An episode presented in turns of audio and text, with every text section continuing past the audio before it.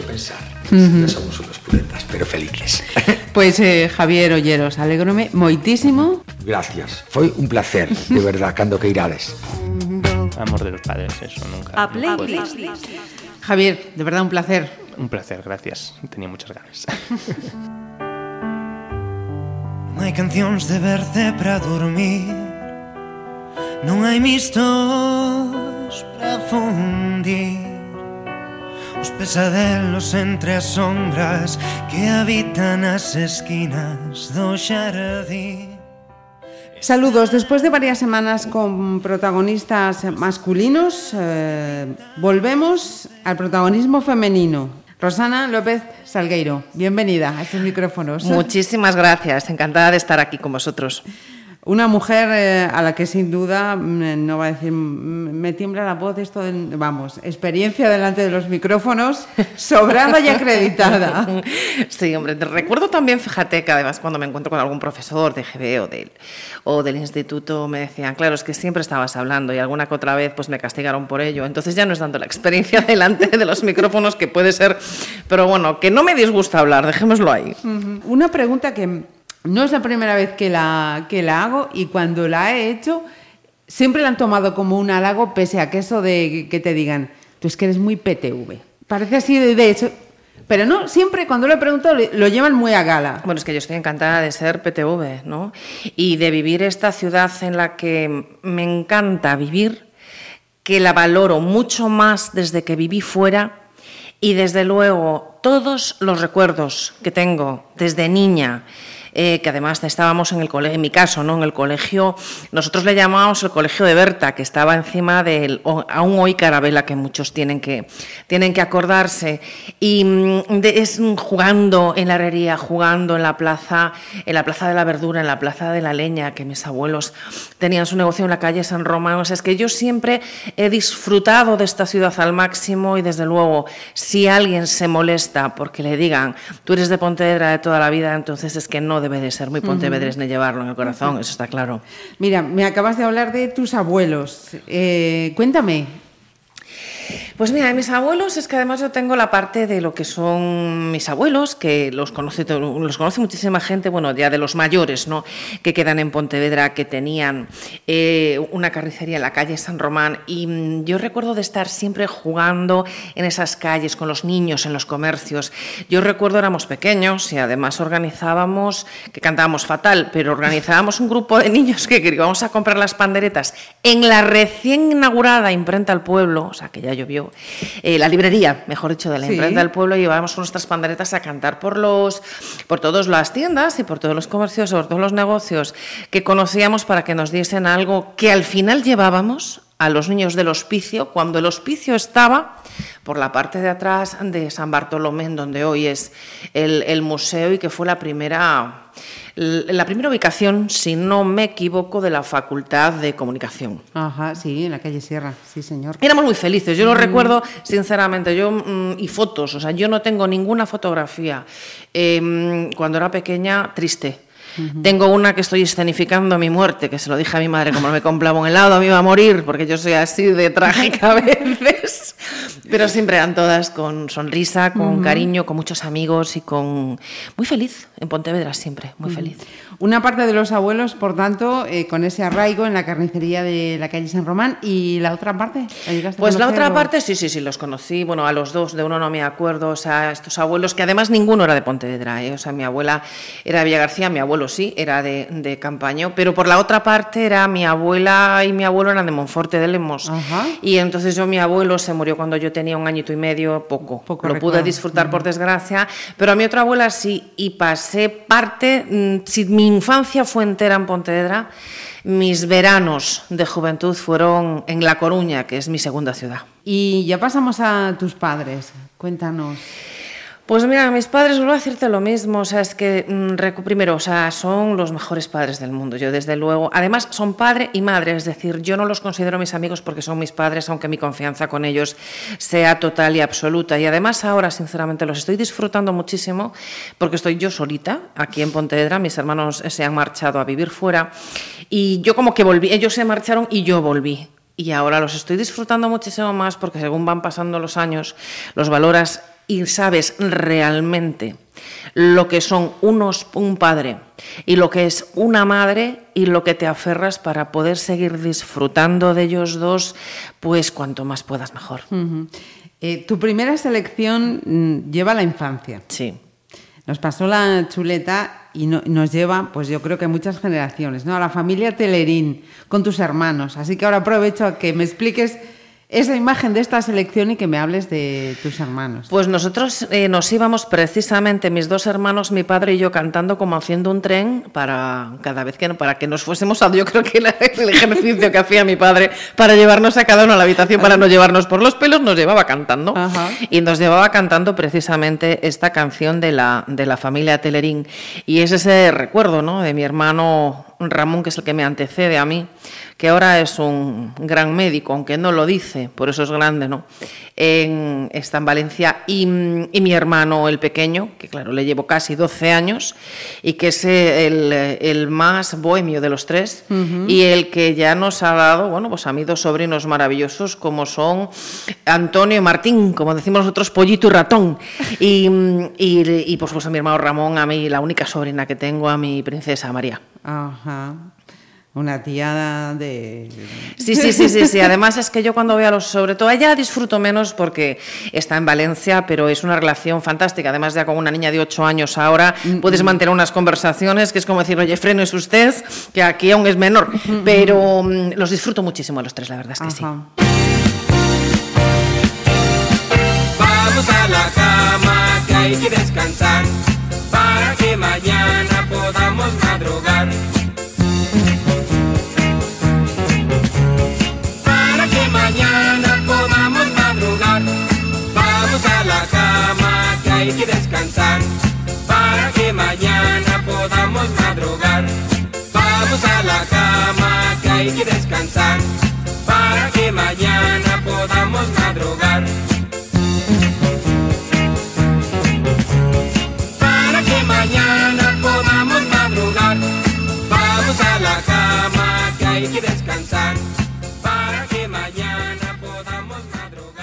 Después del colegio, ¿dónde fuiste a estudiar? Pues mira, yo estudié en este colegio que era como una guardería, ¿no? porque hasta que tenía seis años estuvo en este, en el llamado que era el colegio Jesús, José y María, que nosotros le llamábamos cariñosamente el colegio, el colegio de Berta, que además tengo una anécdota muy divertida, si tengo tiempo la, la, cuento. Sí, por favor. Y es que nosotros éramos eh, los más pequeños de, y había gente en ese cole que hacía, había niños que hacían la primera comunión. Entonces salíamos en desfile desde el, desde la, desde el hasta la peregrina y entonces el bicho más malo que había para tenerlo controlado en el colegio, que era yo, siempre hacía de angelito. Y entonces los que me tenían allí, porque si me tenían sentada en el, me tenían sentada en la iglesia, podía montar así alguna de las, de las mesas, era muy inquieta y sobre más que inquieta, hablaba muchísimo. Es obvio. Y entonces, pues sí, sí, sí, yo era el angelito.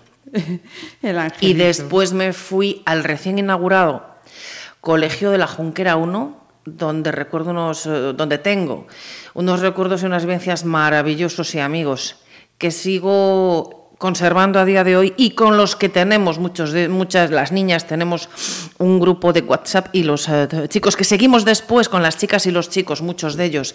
Al Sánchez Cantón eh, seguimos juntos y que ahí estamos, la pandilla del verano, que por cierto nos, nos reunimos, no es la pandilla del verano, nos reunimos este verano desde hacía mucho tiempo todos y nos hizo muchísima ilusión. Es que esto de verte después de pasar... Sí, porque te ves después de que pasa mucho tiempo. Yo es que además como interactúo muchísimo, tanto en las redes sociales como intento viajar para, para visitarlos si están fuera y si no llamarlo y hablar con ellos al menos una vez cada, cada cierto tiempo. No lo que me gustaría, porque desde luego el trabajo del día a día y sobre todo al trabajo trabajar fuera y vivir en Pontevedra te come muchas horas y llegas tarde. Pero bueno, que ahí estamos y lo que sí está claro es que tengo una suerte inmensa eh, porque cuando los necesito están sin que los llame y eso es un lujazo. Sin duda, sin duda alguna. ¿Cuándo sales a estudiar afuera y a dónde vas, Rosana? Porque eres eh, licenciada en Ciencias Políticas y Sociología. Sí, y hice mi doctorado en Derecho, tengo la suficiencia investigadora y si Dios quiere, a finales, bueno, a principios de septiembre, en, el último trimestre de este 2018, presentaré mi tesis doctoral en Derecho Civil en la Universidad de La Coruña. Y mm, bueno, pues me fui a estudiar precisamente porque yo quería trabajar y quería estudiar al mismo tiempo y me lo permitió así eh, mis padres, como me lo permitió mi, mi, modo de vida, porque yo quería tener una serie de lujos que de otra manera no podías tener. Y entonces el primer año me fui a La Coruña y disfruté muchísimo ese primer año como ya fuera de casa y ya mayor, estás en la universidad. Y entonces mm, después me volví para Pontevedra. Estuve un año en Pontevedra, no me, no me hacía al estudiar aquí en, en, sin moverme ¿no? uh -huh. de Pontevedra y estudié en la UNED y entonces fui elegida delegada de alumnos de la UNED de Pontevedra y estaba más tiempo que en Madrid y aquí entre mi trabajo, la representación de alumnos y tengo que confesar, el repartir las asignaturas entre, entre, entre, junio y septiembre, porque claro, era una misma titulación, pero con dos especialidades, pues así la saqué adelante y con muy buena nota. O sea, que estamos delante de una estudiante muy brillante. No, me gustaba lo que estudiaba. Entonces, no, vamos a ver, si a ti te gusta y tienes la oportunidad, yo me imagino cómo es como cuando trabajas. Si tú disfrutas en el trabajo que estás haciendo y tú disfrutas como yo disfruté en las, eh, en las, eh, en las, en las carreras, en las licenciaturas y en el doctorado, en el máster, etcétera, etcétera, porque soy un bicho muy lector también, entonces cuando estás haciendo lo que te gusta, hombre, no te voy a decir que no te cueste porque mentiría, uh -huh. pero disfrutas y entonces uh -huh. todo es menos complicado. Mira, cuéntame, cuéntame esto, porque la play de Rosana tiene, tiene su punto. Tiene su punto. Y las que no están. y las que no. Hay, eh, hay que encuadrar a Roxana en el grupo de los que dicen que las 10 canciones les eran insuficientes. Nos encontramos de todo invitados que dicen que era complicado, gente que dice, es que no me llega, es que con 10 me quedo ahí. Claro, a... es que además date cuenta de una cosa, a los que nos encanta la música, y yo voy conectada todos los días a trabajar, cuando salgo de casa, cuando vuelvo en el autobús, cuando estoy incluso haciendo la limpieza que me requete chifla, esos fines de semana que estás con tus, con tus cascos grandes y te pones a hacer 40 cosas en casa y te pones a hacer mil historias, o incluso escribiendo, o incluso y estás escuchando música. Entonces, efectivamente, habrá gente que no disfruta tanto de la música uh -huh. y entonces le podría ser incluso, ay Dios mío, 10 son excesivas, pero a mí te puedo asegurar que me han sabido a poco. pero bueno, son importantes. Puede ser motivo para hacer una siguiente. Encantada, play. por supuesto. Mira, pues cuéntame esto de Luis Eduardo Aute, por favor. Sí, vamos a ver, mi madre canta maravillosamente bien. Mi madre es una contralto que además puede llegar a hacer y alcanzar notas de mezzo-soprano. Eh, sí, canta muy, muy bien. Evidentemente, con el tiempo, como dice ella, pues todo vas perdiendo voz, va perdiendo tal, pero mi madre tenía una voz absolutamente eh, prodigiosa. Es más, cantaba en, aquellas, eh, en aquellos programas de radio incipientes en Villa García de Arosa, siendo una cría. Uh -huh. Y fíjate tú, las vueltas que da la vida, que ahora está cantando en el coro del Liceo de Villa García. Y hoy en concreto estaban ensayando.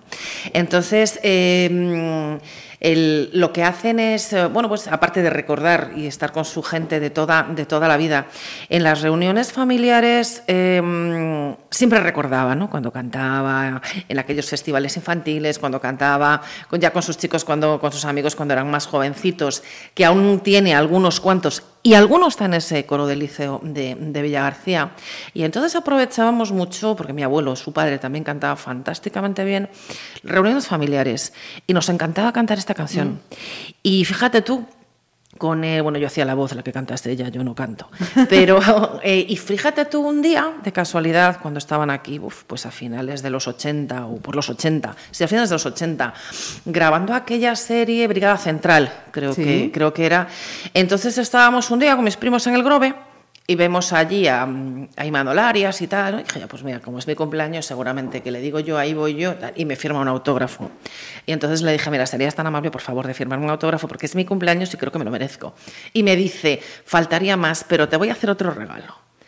¿Te gusta Aute? Y yo me rechifla Aute.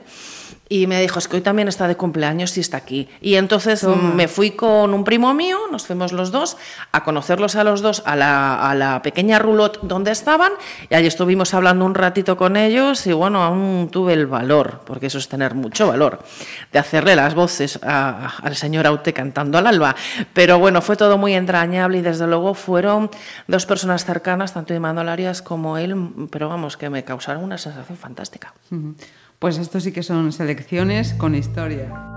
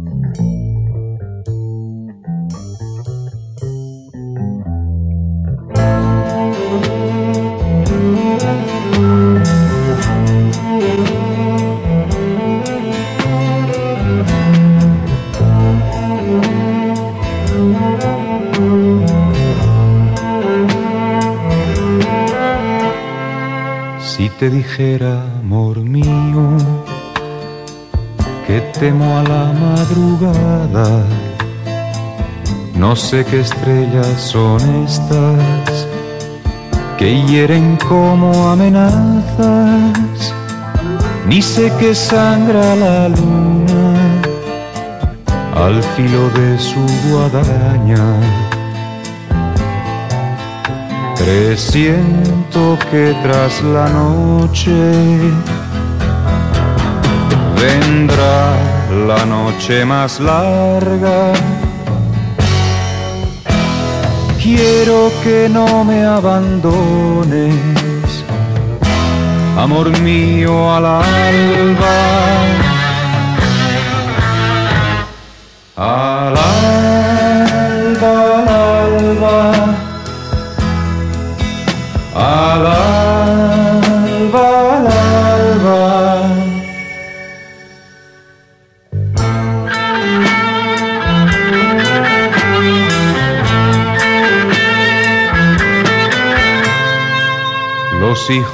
Que no tuvimos se esconden en las cloacas comen las últimas flores. Parece que adivinaran que el día que se avecina viene con hambre atrasada. Que tras la noche vendrá la noche más larga quiero que no me abandones, amor mío al alba.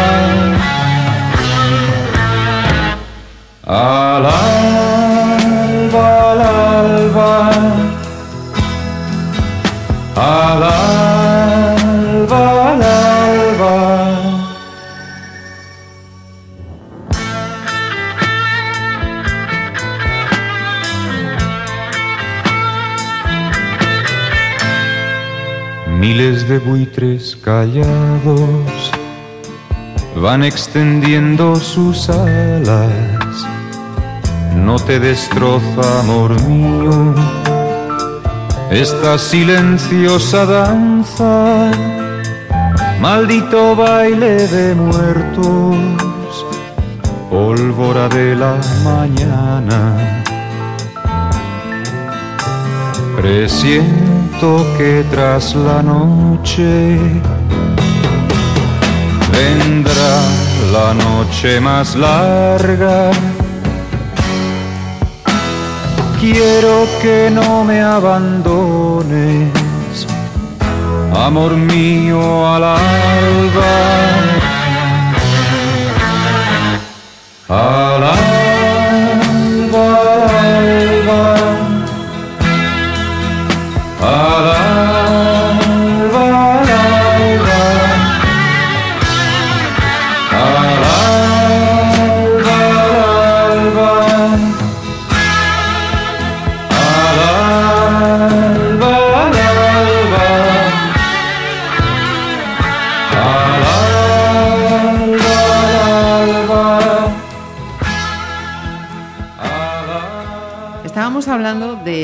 del, ámbito formativo de Roxana.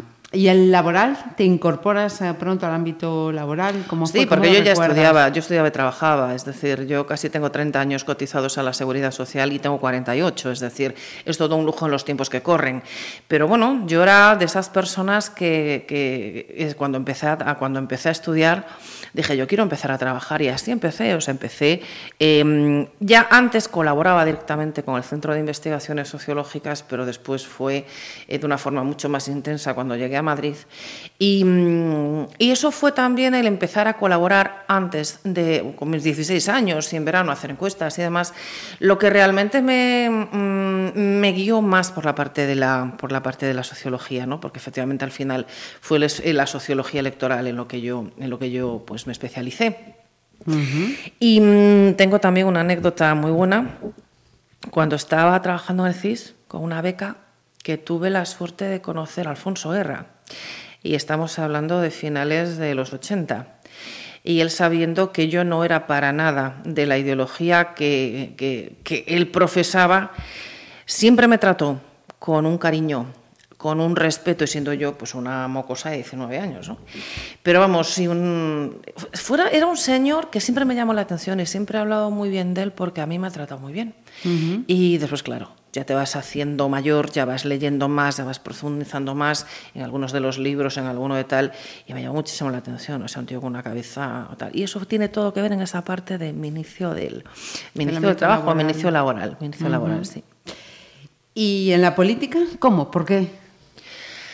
Pues mira, en la política yo la primera vez que tomé parte de algo fue, pues mira, yo tenía 14 años y me había afiliado a lo que entonces era clubes juveniles de Alianza Popular y lo hice de la mano de un amigo que fue el que me convenció, que se llama Javier Pazos Carballido, que lo adoro, que fue concejal en este ayuntamiento y que es una de esas personas de las que todos deberíamos de tener la suerte de tenerlo cerca en la vida, ¿no? Porque es un tío 10.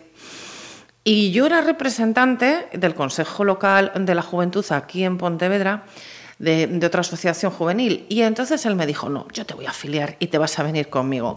Y así empezó la historia dentro de la... de- yo siempre fui una mujer muy inquieta, ¿no? y con muchas inquietudes y demás. Imagínate, siendo pequeñitos, íbamos ahí a intentar organizar, coger cuatro duros para comprar unos juguetes y llevarlos al asilo. Entonces, las inquietudes de muchas de mis amigas y de, amigos, vamos, fueron, fueron en, ese, en esa línea. Pero yo tuve la suerte de encontrarme con Javier Pazos y iniciar una, bueno, una andadura que con sus altos y sus bajos como la vida misma, porque si no, no sería divertido, ni disfrutarías, ¿no?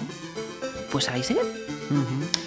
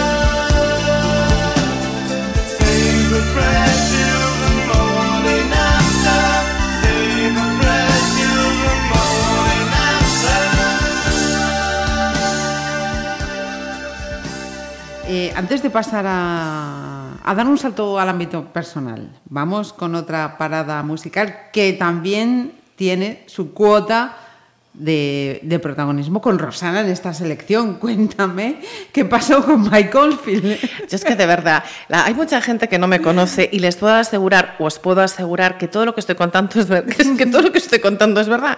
Lo que pasa es que mis amigos se ríen muchísimo, o, o incluso la gente que trabaja conmigo, porque dices que a ti siempre te pasan cosas, ¿no?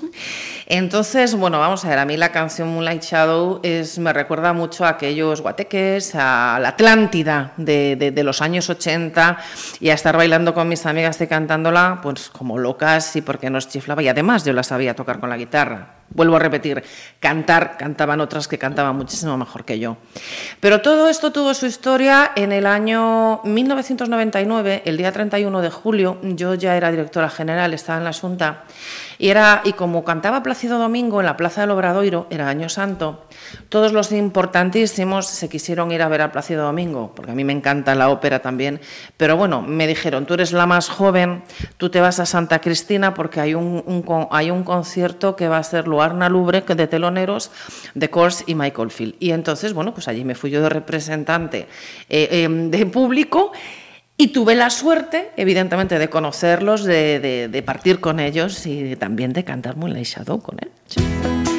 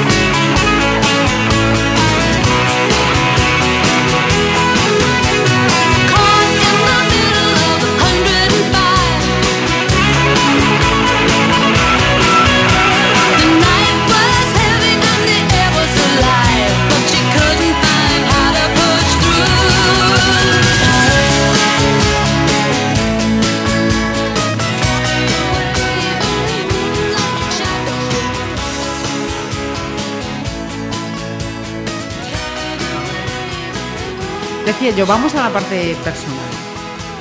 Inquieta ya, ya lo, tenemos clarísimo, ¿no? Que mm, todo y con todo se mueve, me, me apunto eh, de la faceta mm, formativa, de la faceta laboral, pero y la Roxana, como dicen aquí, festeira. Eras, Ah, eras sí, mucho sí, de sí. salir, mantienes todavía ese... Ahora menos, ahora menos, bueno, por circunstancias X, porque llego los viernes hecha polvo y es el día más divertido para, para salir, pero ahora ya también va pasando el tiempo y las- la manera de divertirse es distinta, pero hay que salir, se sale, que hay que ir, se va.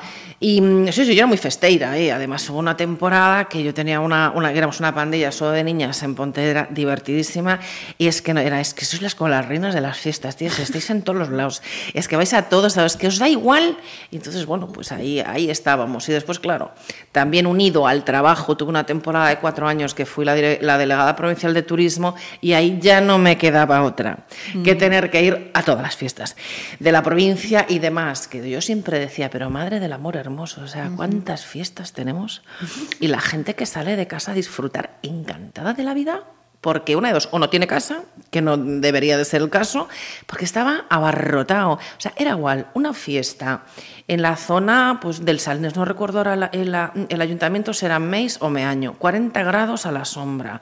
La fiesta de los Callos, el 2 de agosto, pues la gente estaba allí.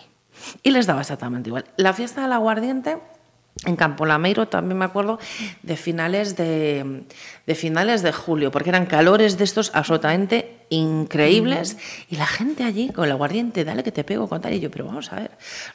Pero bueno, la gente disfrutaba, desde luego, todas estas fiestas tienen su componente aparte del componente cultural y gastro- y gastronómico, desde luego de un, un incentivo, un acicate económico muy importante para cada una de esas zonas donde, donde se realiza. Pero sí, sí, yo las fiestas, bueno, y, las, y, si hay que organizarlas, se organizan y a veces con bromas, con cosas muy divertidas y me encargan a mí de eso, claro. Son Un Roxana. trastiño, como decía mi abuela, un trastiño. Eh, volvemos también a la, a la parte eh, seria. Fíjate, hablabas de, de- de turismo y, y no sé si con los resultados que estamos teniendo este 2018 y, ya los que venían del, del año, perdón, 2017, eh, esos eh, trabajos de, de formiguiñas que, que se venía haciendo, pues de, de ese tiempo que tú hablabas, ahora ya está dando esos grandes resultados y, y estamos en- ante esa gran avalancha. Por fin se descubre Galicia. Sí, desde luego, bueno, todo, este, todo esto es producto de, como tú bien dices, de lo que se lleva haciendo. O sea, no es flor de un día ni esto aparece por generación espontánea.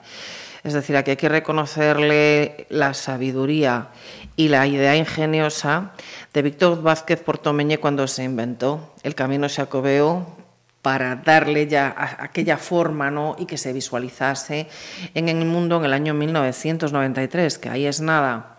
Y pues por supuesto, desde, desde la Junta de Galicia se ha hecho siempre un trabajo arduo y un trabajo muy importante, pero desde luego lo que también hay que resaltar es el, el apoyo fundamental que del sector turístico y de sus, sus- sus subsectores siempre, siempre han tenido. Y claro, esto es un trabajo en conjunto, porque por mucho que se hagan desde las instituciones y el propio sector no responde, tampoco va a venir nadie a Galicia. Y entonces es un trabajo en equipo un trabajo de todos y yo creo que bueno que son unas cifras absolutamente espectaculares que a partir de ahora deberemos empezar a gestionar. Pero sin, sin temores y sin alarmismos, ¿no? Porque sí que hemos oído esas voces durante este verano. No, pero vamos a ver, es como todo, es decir, que vengan, ya gestionaremos, porque gestionar sabemos gestionar muy bien. Ujú. otra, otra más. Cuéntame. Esta vez va con Brian Adams. Esto va increciendo, ¿eh? Pues fíjate, eh, Brian Adams dio un concierto en Vigo, en Las Traviesas, en el año 2004, y allí estaba yo. Y allí hice todo lo posible por ir a hablar con él y fui a hablar con él. Y le dije que de todas sus canciones que me gusta, o sea, no hay ninguna que no me guste, con esa canción yo me había enamorado un verano. Toma. Y entonces le hizo muchísima gracia y cuando en los bises, porque no era parte del, del concierto de las traviesas, en los bises la cantó, me dijo, esta se la voy a dedicar especialmente a una gallega que acabo de conocer hoy. Y me dice, esta canción es para ti, Rosana. Y entonces me quedé encantada. No hemos dicho el título de la canción. Heaven. y si te pregunto por ese momento de enamoramiento, ¿qué nos cuentas? que no se puede decir pecador. no, no, no, no, yo no, para ellos soy muy, caballero, ¿no? No no, no, no por el nombre, ahí vamos a ser totalmente discretas, era una Rosana de 20 medios. ¿m? medios. Entonces, ese verano se había reencontrado con un amigo en el que había estado en un campamento, pues a lo mejor 10 años antes, que éramos unos críos. Y bueno, ese, eh, encuentro fue súper divertido. Muy chulo. Además, súper romántico, que no es como son las cosas ahora. Romántico, es por eso, ¿ves? Siempre te queda ahí grabado. Mira, pues luego, luego volvemos al tema mm, sentimental, pero vamos a escuchar a Brian Adams, que es lo que toca.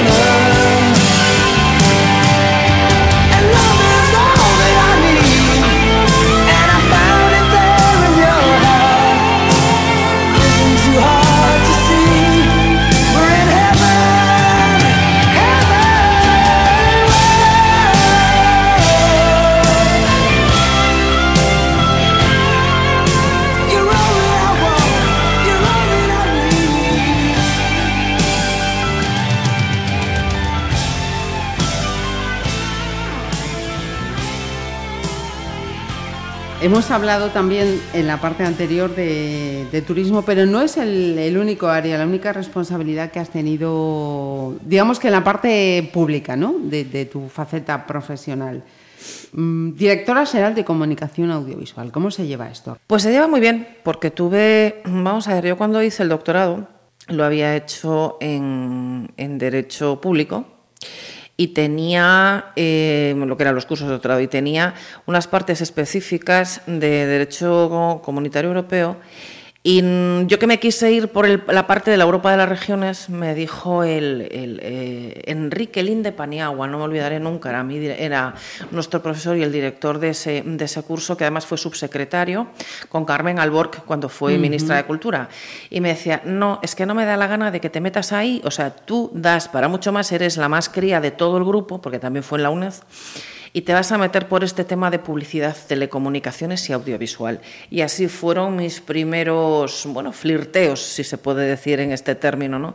Con el derecho audiovisual, con el derecho que regulaba las emisiones publicitarias, las emisiones de radio, las emisiones de televisión, que invadían aún entonces, en aquel año 1992, aquellas eh, fronteras de los, de los estados, y con el propio tema de la regulación audiovisual de todo el cine. Entonces tuve la suerte de, mm, de que el presidente Fraga me llamase en el año 99 para venir a poner esto en funcionamiento. Y bueno, pues estar y ser partícipe de la entrada de Galicia en la sociedad de la información no fue ninguna broma, fue un reto.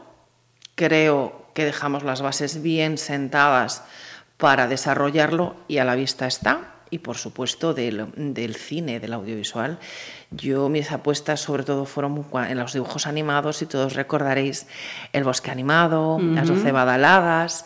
Pero bueno, aparte de eso se empezó a hacer mucho más cine, mucha más... em, eh, televisión, ¿no? las TV movies, pero sobre todo los dibujos animados en 3D que fuimos un referente en, en el mundo entero y además eran técnicas específicas que salían de la Universidad de La Coruña a través de la empresa Digra. De, de hecho, mm, volvemos a hacer el mismo ejemplo que podíamos haber, que podíamos haber, no, que hacíamos antes con el turismo.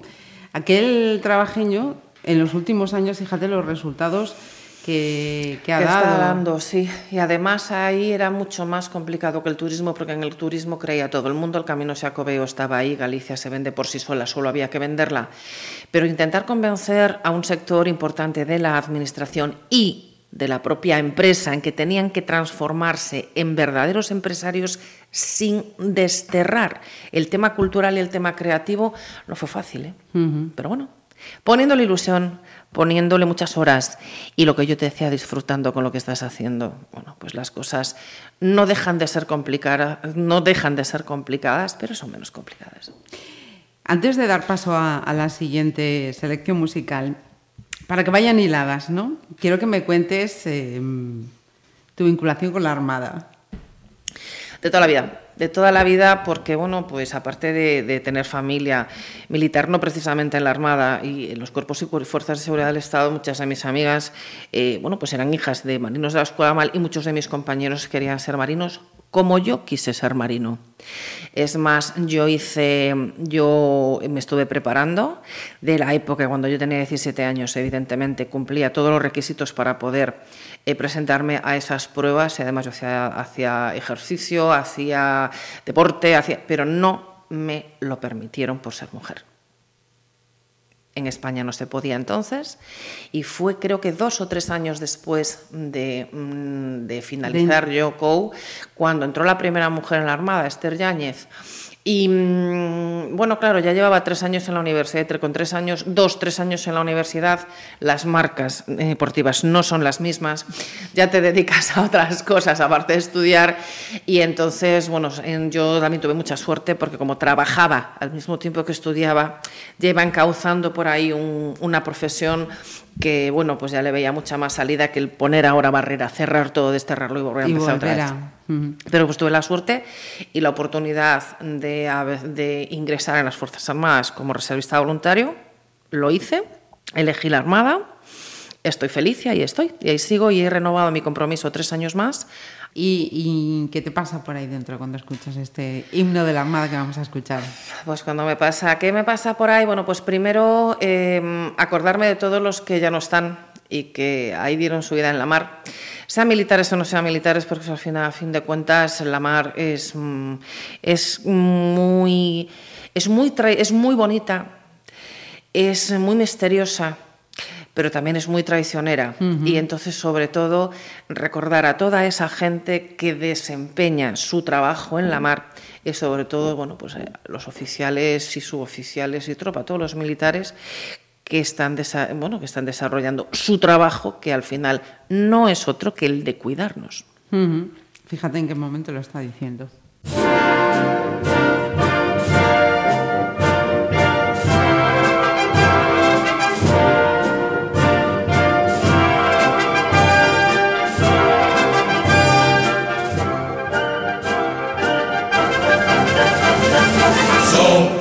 Serenas las brisas,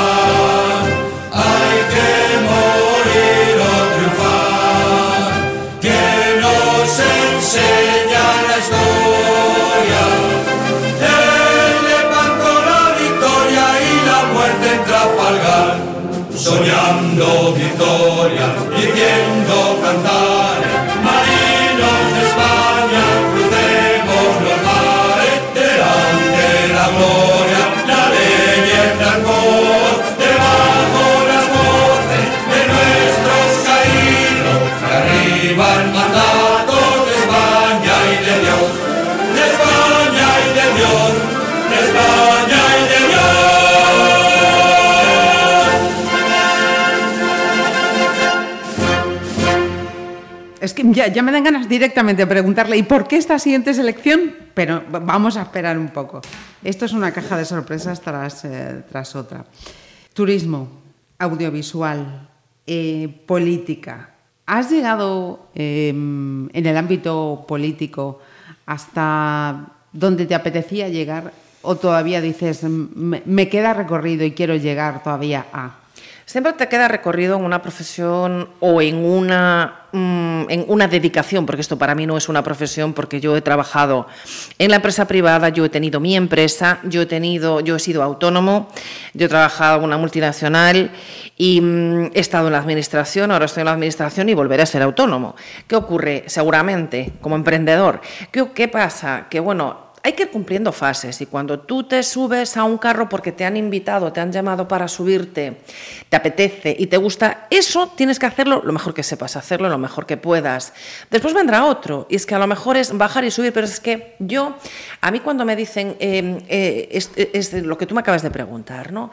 Es un planteamiento quizás demasiado español o europeo para los que tenemos, y lo digo con todo el cariño del mundo, o sea, esa visión más americana de cambiar las cosas para ir enriqueciéndote sin olvidar, por supuesto, siempre esa misma dirección básica que es la que va, que es la que va eh, dirigiendo tu vida. Por ejemplo, yo he sido profesora en la universidad y daba teoría del Estado y daba sistemas políticos eh, y sistemas electorales. Yo, cuando trabajaba en una multinacional, hacía proyectos de estrategia internacional y de servicios a gobiernos, pero siempre dentro... Esa multinacional, perdona, te voy a interrumpir porque cuando lo estaba viendo me, me acordé eh, de Podemos, digo, si lo repetiría, esa multinacional tan difícil de pronunciar. PricewaterhouseCoopers. Ahí trabajé yo. Yo empecé en Coopers and Lybrand y después a- acabé con la absorción en Price. Pero precisamente eh, por eso estuve en esa, en esa multinacional y trabajaba también en ese ámbito.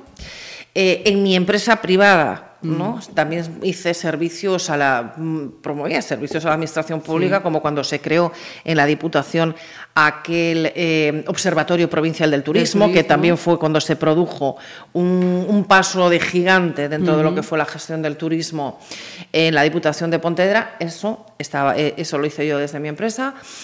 Y entonces, bueno, pues te- eh, en la administración pública como directora general o como eh, delegada provincial Delegada de Cultura. o como directora del Instituto de Estudios Turísticos o ahora en la Fundación em, Pública de la Formación para o Trabajo en Galicia, pues siempre estás en la administración pública, porque realmente lo público es lo que realmente me gusta, aunque se pueda abordar porque se tiene que abordar de distintas maneras. Y además hay una cuestión que me encanta, y que cada vez, aunque cuesta, se está haciendo más y es que la administración pública tenga esos grupos de personas que tienen que adelantarse a lo que viene, inventándose proyectos muy bonitos. Y es lo que yo resumo, que además hace poco hice un artículo sobre ese tema tras organizar una jornada de emprendimiento en Santiago, que es lo que tiene que hacer sobre todo a lo que nos viene de digitalización, de grande, de inteligencia artificial. La administración pública tiene que emprender. Y entonces, eh, cuando la administración emprende, se adelanta a las necesidades de los ciudadanos, de todos y cada uno de nosotros, proponiendo soluciones a los problemas que nos pueden venir. Y esa es otra manera muy bonita de trabajar en la administración pública y se puede hacer desde dentro o se puede hacer desde fuera.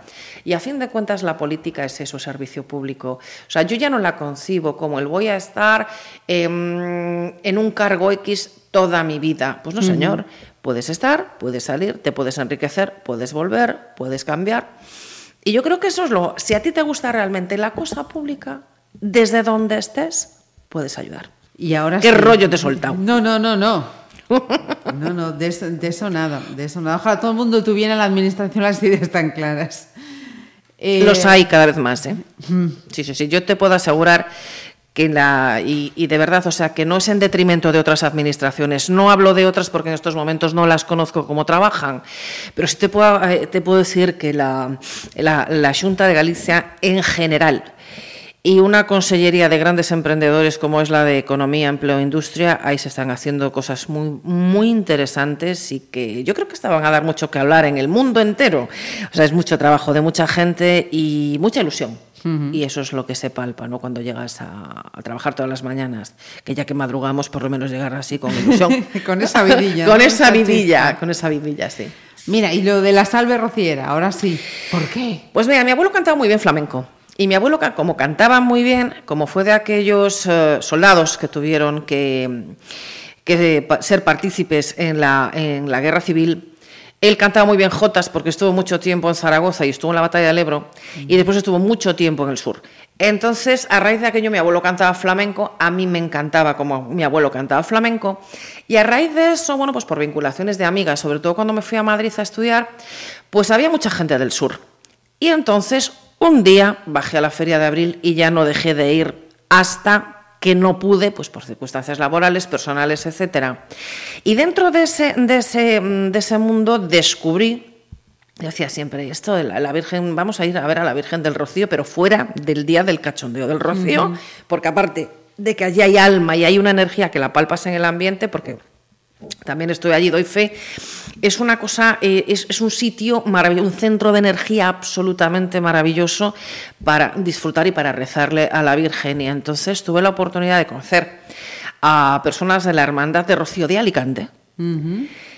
Y contacté con, e- contacté con ellos, ellos después que volvieron a contactar conmigo, fue un tema familiar, un tema de... de- y yo soy eh, rociera por la Hermandad de Rocío de Alicante.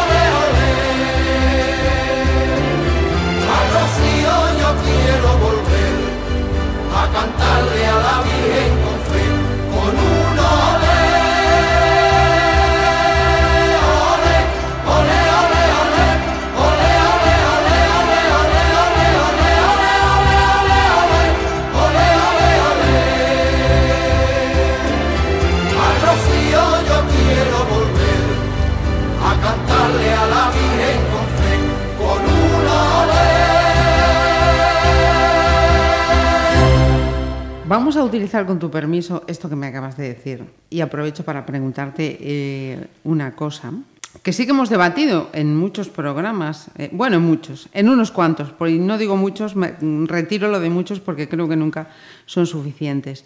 Pero sí que es cierto que mm, mujeres de, de tu generación, de la mía, que somos de, de la misma, nos hacen sentirnos culpables precisamente por, por eso, por tomar la decisión directa o indirectamente de no tener una familia propia y dedicarte a tu vida profesional. Sí, vamos a ver, yo tenía muy claro, sin embargo, te digo una cosa, yo tenía muy claro que quería formar una familia y quería ser mamá. Lo que pasa es que una enfermedad terrible mm, no me permitió serlo. Entonces hay que asumirlo, las cosas te vienen como te vienen y entonces tus prioridades pasan a ser otras. Si te encierras más en el, en el, bueno, pues en el día a día de lo que te apetece hacer y de lo que quieres hacer, exactamente igual que aunque eh, que cualquier otra mujer que haya elegido es primero. En este mundo lo que hay que ser es libre. Eso es partiendo de esa base. Y las mujeres no somos única y exclusivamente para procrear, como los señores no son única y exclusivamente para trabajar y que, las mujeres les complementen lo que ellos no hacen. No. Esto es un tema, ni uno es más ni otro es menos. Y la igualdad que además tenemos, eh, te- te- tenemos cerca, ¿no? Muchos, muchos temas, muchas vivencias, muchas, muchas conmemoraciones de temas de días de igualdad y de temas de igualdad. La igualdad es cuando uno y otro se complementan de tal manera que ya no hay necesidad de hablar de igualdad. Entonces, yo, por ejemplo, sí puedo decir, eh, y volviendo aquí a lo mejor un poco al, trabajo que han hecho con nosotros nuestros padres, yo tengo dos hermanos que os que son ellos dos solos para enmarcar, o es que, no sé, es cuestión de generación, yo creo que es también una cuestión de generación, es decir, ellos dos trabajan como trabajan sus mujeres y participan exactamente lo mismo del cuidado de los niños, y va uno, y va el otro, y va el otro, y va uno. Y es más, eh, en, en el caso de los que viven en, de, de mi, de mi hermano el pequeño, su mujer es autónoma, se tuvo que incorporar eh, a los dos meses de dar luz al pu- su puesto, o sea, a, a su profesión, y mi hermano que tenía esa posibilidad por trabajar en un medio de comunicación, cogió la baja de, ba- de paternidad y es el que está cuidando a los niños. Y a nadie se le rompió una tripa y a nadie pasó nada. Es decir, es que realmente es eso. Es que cada uno puede tomar la opción que le gusta. Por desgracia, seguimos en un mundo que si tú ni yo tenemos pareja, o si tú ni yo tenemos familia, o si tú ni yo, o la mujer que sea, sobre todo la mujer, que es, no los hombres, la mujer es que, y estás cuando, lo típico, ¿cuándo vais a sentar cabeza? Pero sí, vamos a ver, qué cosa guapa, la tengo sentada desde hace mucho más tiempo que tú. Lo que pasa que, bueno, sentar la cabeza no es tener una familia y tener unos hijos, es estar haciendo tu trabajo lo mejor que puedas, estar haciendo tu papel de persona en el mundo lo mejor que sepas y estar cuidando de los que quieres y de los que y de los que te quieren. Y a lo que decías de tus hermanos, esto viene también a, a demostrar a la conclusión que hemos hablado muchas veces, educación. Es que es fundamental. principio.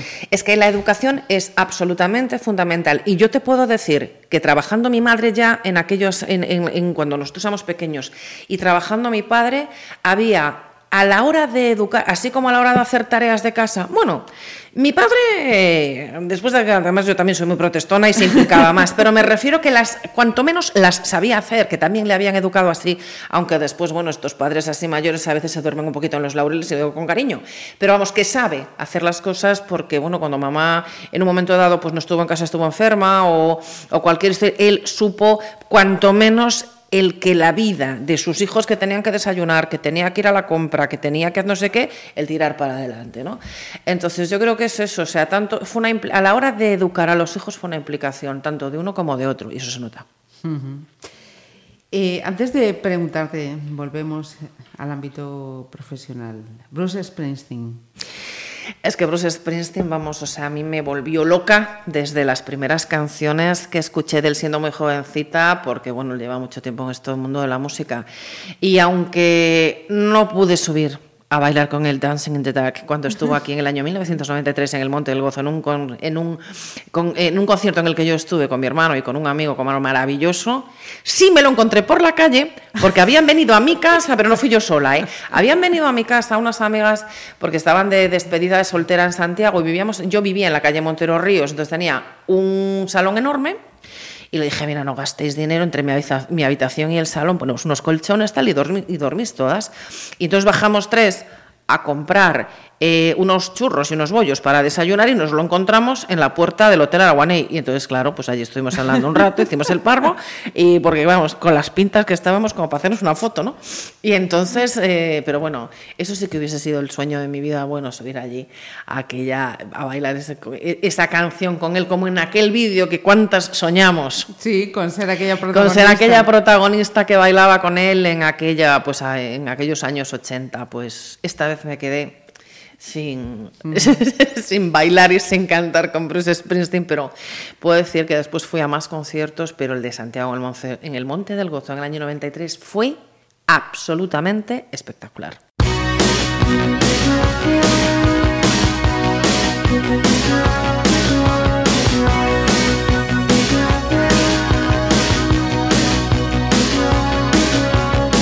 I get up in and I ain't got nothing to say. I come home in the morning.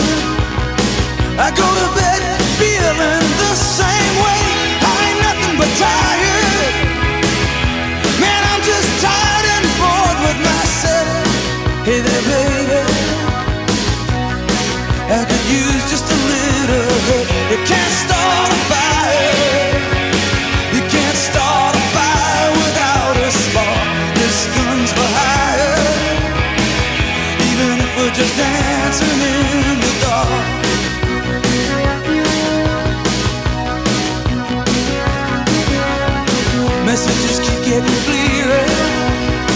Radio's on and I'm the place. I check my look in the mirror. Wanna change my clothes, my hair, my face, and I ain't getting nowhere.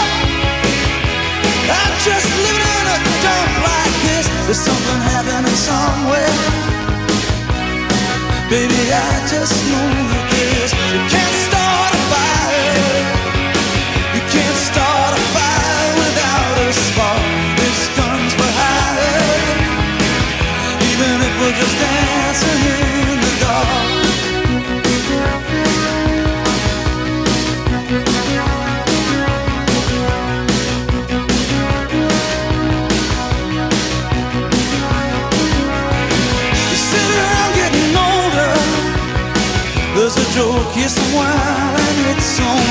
I shake this world off my shoulders. Come on, baby, the laughs on me. Stay on the streets of this town.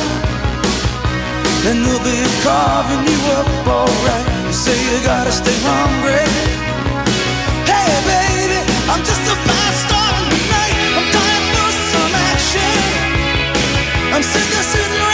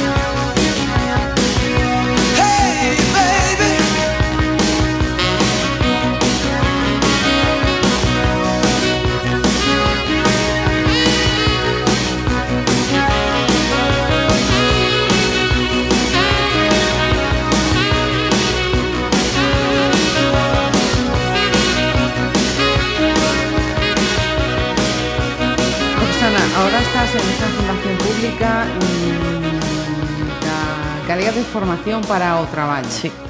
Eh, explícanos en qué consiste, qué Bueno, se hace. Vamos a ver, esta fundación es, lleva la- no como tal, pero sí como organismo público, lleva funcionando prácticamente 20 años, porque era lo- la delegación perdón, territorial de lo que era antes la fundación tripartita, es decir, la fundación que gestiona todos los cursos para trabajadores en activo y con la implicación de los agentes sociales, que son los sindicatos y, la, patronal, ¿no? Y entonces, bueno, eso es lo que hacemos. E intentamos hacer estudios de detección de necesidades formativas, porque es fundamental. Tenemos eh, en estos momentos un proyecto importante dedicado para mayores de 45 años, porque ahí es donde la brecha tecnológica y la brecha idiomática para muchas de, esta- de estas personas eh, es grande y les impide encontrar un trabajo.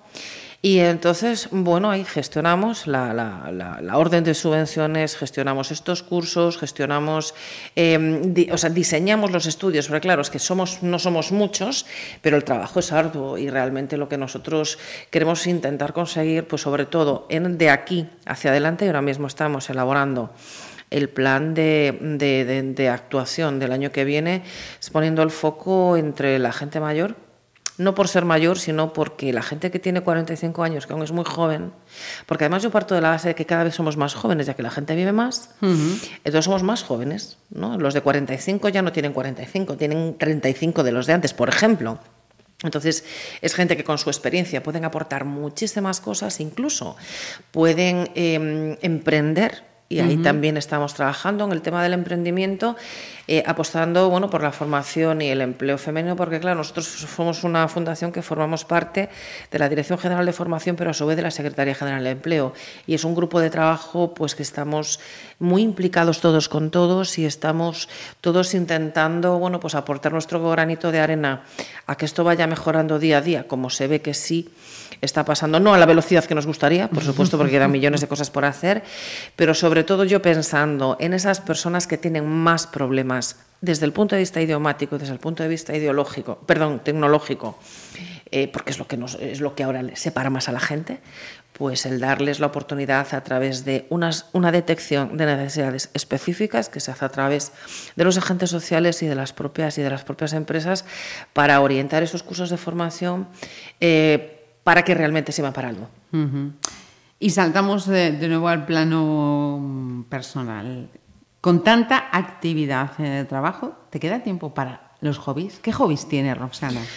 Pues mira, pasear, que ahora puedo hacerlo y poco, porque me encanta pasear por esta ribera del Lérez maravillosa que tenemos en, que tenemos en, nuestro, en nuestro ayuntamiento, porque tengo una fascitis plantar que no se va de mi pie desde hace dos meses y medio y es tremendo, pero pasear muchísimo y además pasear escuchando música y disfrutando de la naturaleza, eso es el regalo del mundo. O sea, porque yo que estoy mucho tiempo entre el autobús y la, y la, y la, y la oficina, el poder, llegas, te cambias, te pones unas zapatillas de, de- de- para ir a andar, no para hacer, pero para ir a andar, porque yo soy de los que voy a andar.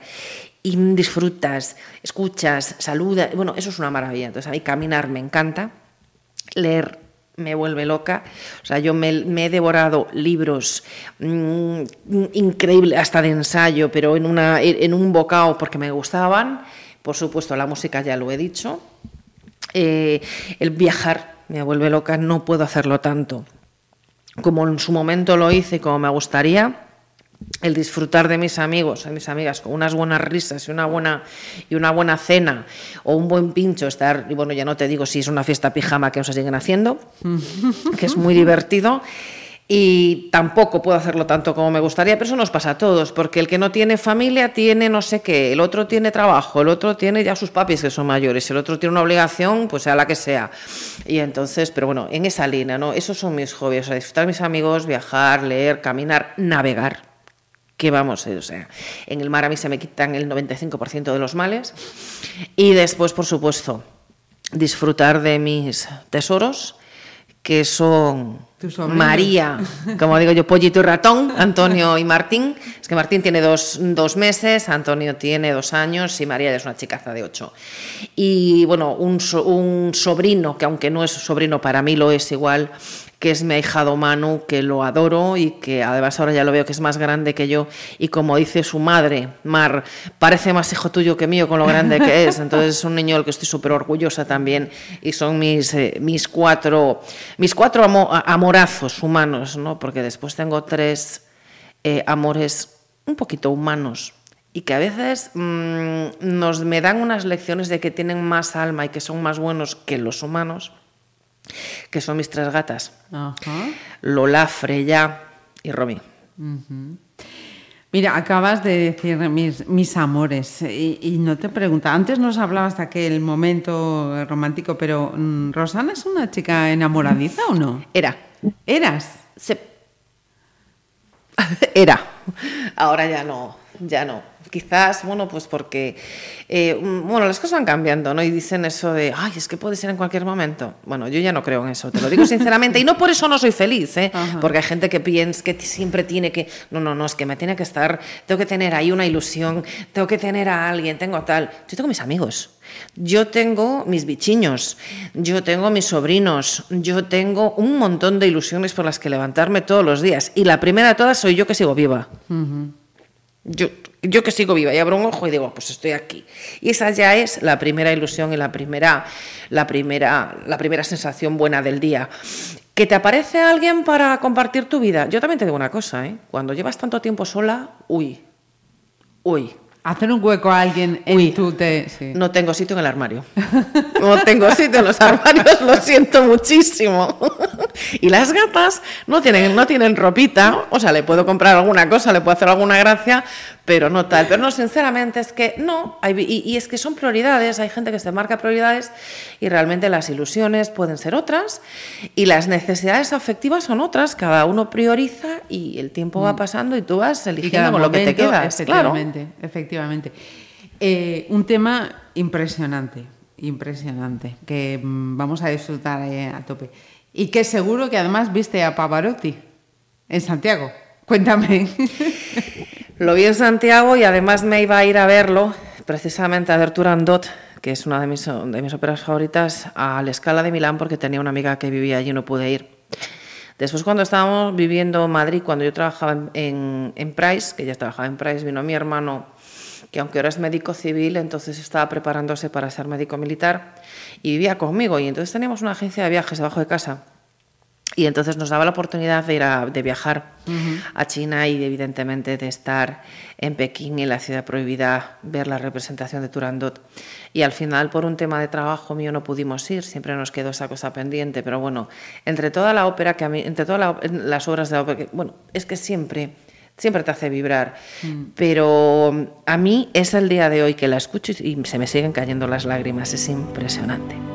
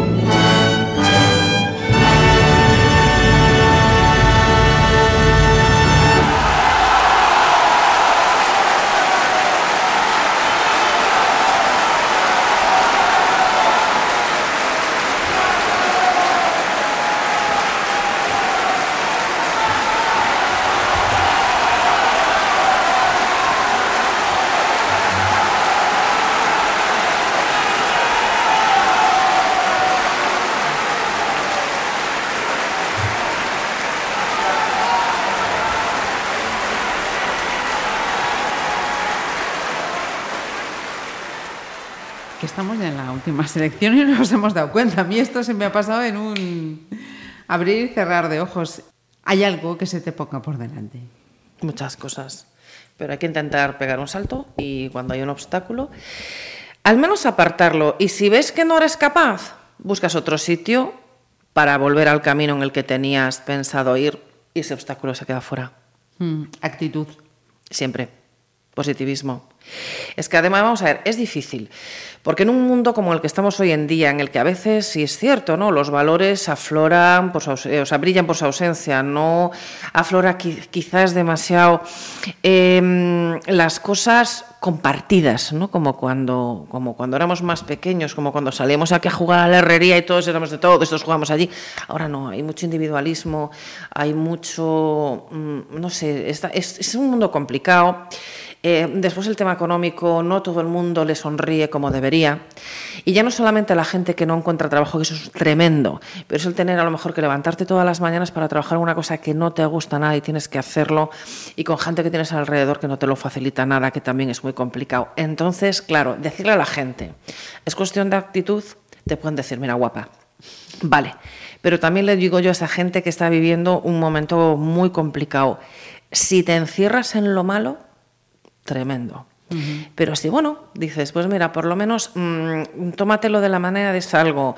Estoy aguantando estos imbéciles que seguramente de otra manera no aprendería como persona a reaccionar a este tipo de, de, elementos y mm, te ganas tu dinero al mes. Y con ese dinero, pues por lo menos puedes hacer cosas que no harías si estás en casa sin salir sin dinero. A lo mejor la gente al escucharme cree que estoy frivolizando y entenderme que de verdad lo digo de corazón, que de todo hay que sacar lo positivo. Y os lo digo porque aunque pueda parecer a través de, de- de estas canciones, a través de esta entrevista, que estoy encantada contigo de que me la estés haciendo de verdad y de la Gracias, oportunidad que me dais en Pontevedra Viva, que es una, que es una gozada. Mi vida no ha sido fácil. Y yo siempre pongo una sonrisa, pero la gente muchas veces no tiene la más mínima idea de lo que hay detrás. Porque, bueno, no se trata de ponernos trágicos, ¿no? Pero, por ejemplo, lo voy a hacer con una cosa muy divertida.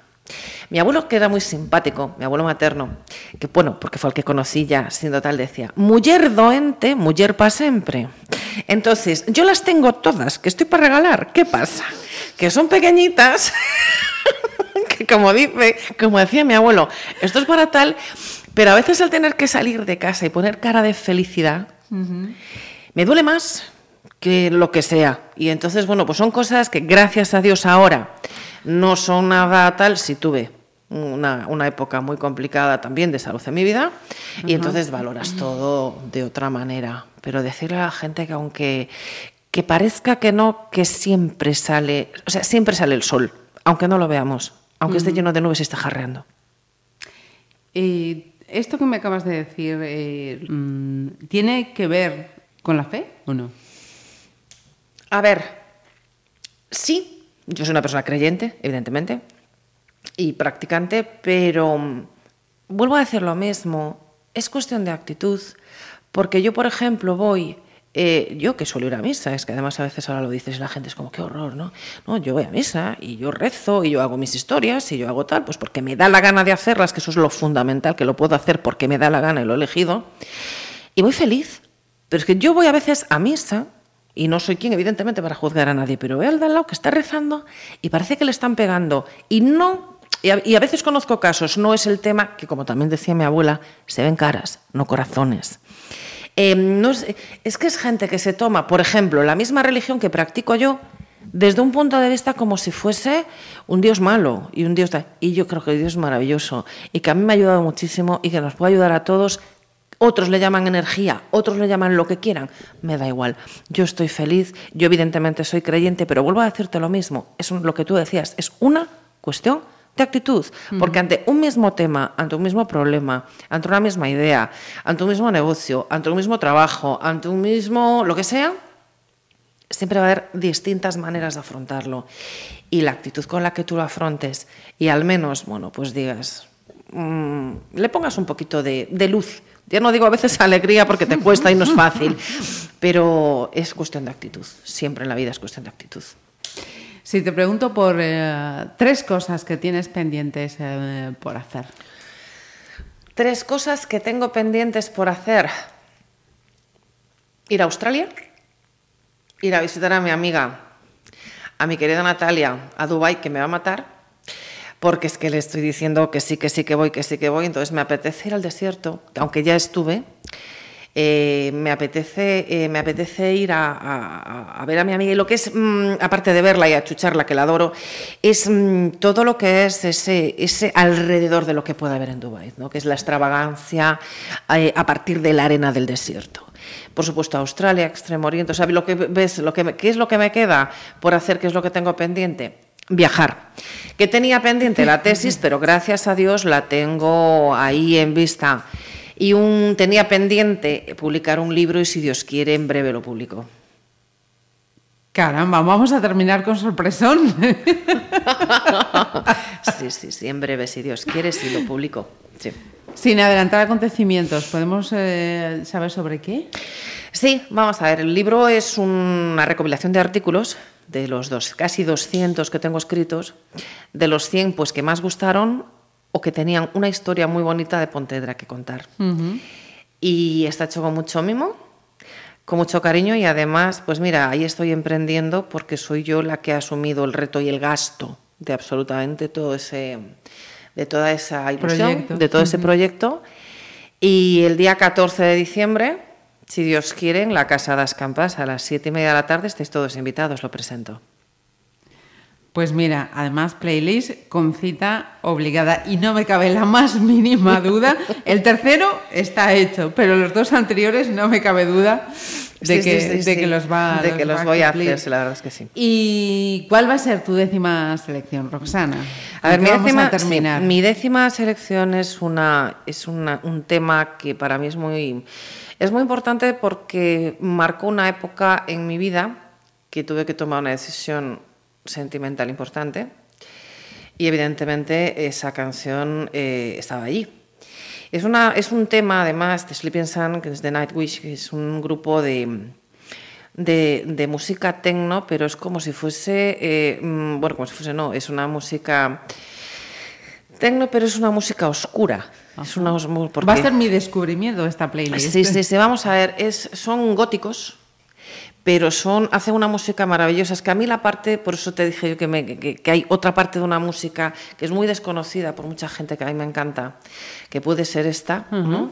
Que es gente que además son grupos todos, son grupos nórdicos, son gente que vienen de los conservatorios, gente cantantes de ópera, la mayoría de ellas, y entonces tienen unas voces, tienen, esto es como un dark heavy metal, pero no, es... eh, es- esta canción es pre- esta canción es preciosa. Fue muy complicado para mí hasta inclusive cuando la, la quise traducir, pero es muy bonita y trata de amor, por supuesto, y, de una- y- y por eso te digo que es para mí fundamental. Pero es que además es una es una es un grupo de música que me encanta y, y un un tema, un- a ver cómo te lo, te lo explico yo, es el tema nórdico, el tema de la mitología nórdica que me encanta. Ajá. Y así me gustan, por ejemplo, muchos grupos que además eh, eh, los fui descubriendo poco a poco y hay, un, y hay algunos de ellos que se dedican a hacer folk pagano. Y sí, sí, sí, o sea, es una, es una música, pues imagínate, pues eh, que dedican canciones, son muy... que dedican canciones, pues imagínate, a la noche de Valpurgis, que era la noche de las brujas, pero a fin de cuentas es la noche de las hogueras de San Juan, que cantan a la naturaleza, que cantan a los druidas, que cantan. Entonces, en, en ese aspecto hay otros, como eh, este, hay uno que me encanta, que es un grupo alemán que se llama Faun. Eh, por ejemplo, hay otro grupo como Garmarna, que me chifla, es un grupo sueco que canta canciones históricas, pero utilizando los instrumentos antiguos y cuenta sus leyendas, y ya te digo, con unas, con unas voces y con una calidad tanto vocal como musical absolutamente exquisita, porque además esas, todas estas canciones tienen también su historia y tienen una historia o una leyenda detrás. Una recomendación, desde luego, excepcional, porque tampoco habíamos entrado en todas estas playlists. Yo, por mi parte, con lo que me voy a quedar es eh, con el agradecimiento a Roxana por este rato tan agradable que nos ha hecho pasar, por abrirse, eh, porque desde luego es todo un ejercicio mm, de agradecer el que hacéis cada vez que venís aquí a esta playlist a, a compartir vuestra intimidad eh, con, con nosotros. Pero vamos a ver, es que lo haces muy, lo pones muy fácil. Es decir, o sea, mm, da gusto sentarse a, a tu lado y, y hablar y estar como si fuésemos dos amigas que estábamos sentadas en casa tomándonos, tomándonos un café, tomándonos un té, Mira, un nos vino. faltaban. Nos faltaba, nos faltaba. Pero es que es así, o sea, yo no es la primera vez que estoy en la radio, tú lo sabes, pero esto ha sido muy fácil y ha sido muy bonito. Y a veces a la gente le cuesta abrirse, pues yo creo que muchos de los problemas que tiene la gente es por no abrirse y por no contar sus cosas. Y entonces, em, cuando dices la verdad y lo dices con cariño, y lo cuentas sin mentiras, ni le puede parecer mal a nadie, ni todo lo contrario.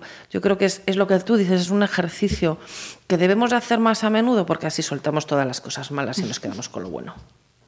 Los psicólogos igual un día nos atacan por estos programas. Bueno, pero le podemos, bueno, podemos hacer ahí una, una sesión conjunta entre psicólogos con nosotros y tal, y encima a lo mejor lo podemos pasar todos pipa. Y ellos se inventan alguna manera, ¿Eh? alguna terapia a través de esto para que la gente descargue, ¿no? ¿Veis? Mujer con iniciativa.